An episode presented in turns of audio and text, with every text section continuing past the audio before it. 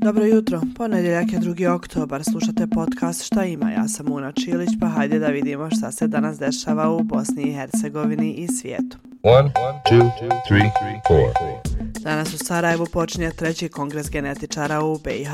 Osim učesnika iz naše zemlje u Sarajevu će se okupiti stručnjaci iz različitih polja genetike, molekulske biologije i drugih srodnih grana i to iz Sjedinjenih država, Norveške, Njemačke, Italije, Turske, Meksika, ali i Hrvatske i Srbije.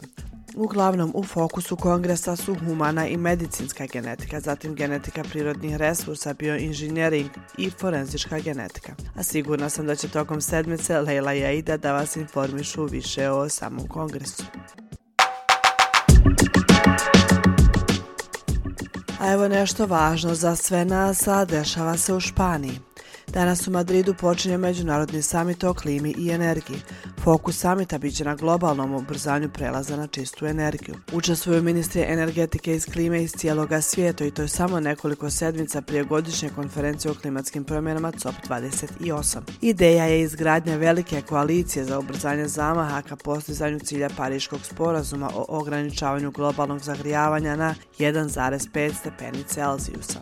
A prije samog COP28 odnosno konferencije Ujedinjenih nacija o klimi i u Bosni i Hercegovini će biti održana konferencija o klimatskoj krizi i to sa fokusom na mlade osobe. A o tome je u subotu u podcastu moj kolega Mahir Sijamija razgovarao sa Lajlom Jusko, mladom istraživačicom koja se bavi pitanjem klimatskih promjena. Evo što je rekla, o čemu će se razgovarati tokom konferencije u Sarajevu. Glavni cilj naše konferencije, pored podizanja svijesti i razgovaranja o kontekstu Bosne i Hercegovine kad su u pitanju klimatske akcije, cilj je kreiranje jedinstvene politike mladih. Mm. Koja Kao će odgovor na klimatske promjene i klimatsku krizu. Jeste, u Bosni i Hercegovini. Naravno, sve je kontekst Bosne i Hercegovine. Danas je Međunarodni dan nasilja. Iako me ne pitate, svaki dan bi trebao biti dane nasilja. No 2. oktobar na dan rođenja Mahatme Gandhi obilježava se ovaj dan za koji iz UN-a kažu da je prilika za širenje poruke nasilja kroz obrazovanje i podizanje svijesti javnosti. Gandhi koji je pomogao Indiji u borbi za nezavisnost bio je inspiracija za nenasilne pokrete za građanska prava i društvene promjene širom svijeta. Tokom svog života ostao je predan vjerovanju u nenasilje čak i pod opresivnim uslovima. A njegova teorija bila je da pravedna sredstva vode do pravednog cilja, odnosno da da je iracionalno pokušavati koristiti nasilje za postizanje mirnog društva. I još ovo kratko. Izvedbom predstave Kaligula Ivan Franko nacionalnog dramskog teatra iz Kijeva u subotu je otvoren 63. internacionalni teatarski festival MES.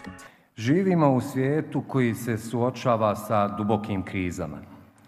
Čak prije nego osjetimo fatalne posljedice globalnog zagrijavanja, potop vrijednosti prijeti nam da nas kolektivno odvuče u nepoznate dubine. Festival MES je prilika da se po 63. put prisjetimo koliko je važno stvarno prisustvo i emotivna dubina u komunikaciji između ljudi. Predstave koje ćemo gledati u narednim danima donose nam priče koje nas mogu inspirisati, izazvati i potaknuti na razmišljanje rekao je na otvaranju direktor festivala Nihat Krešavljaković. A večeras možete gledati dvije predstave. I to od tela u Narodnom pozorištu i Alisu Krevetu koja će biti igrana u Sartru.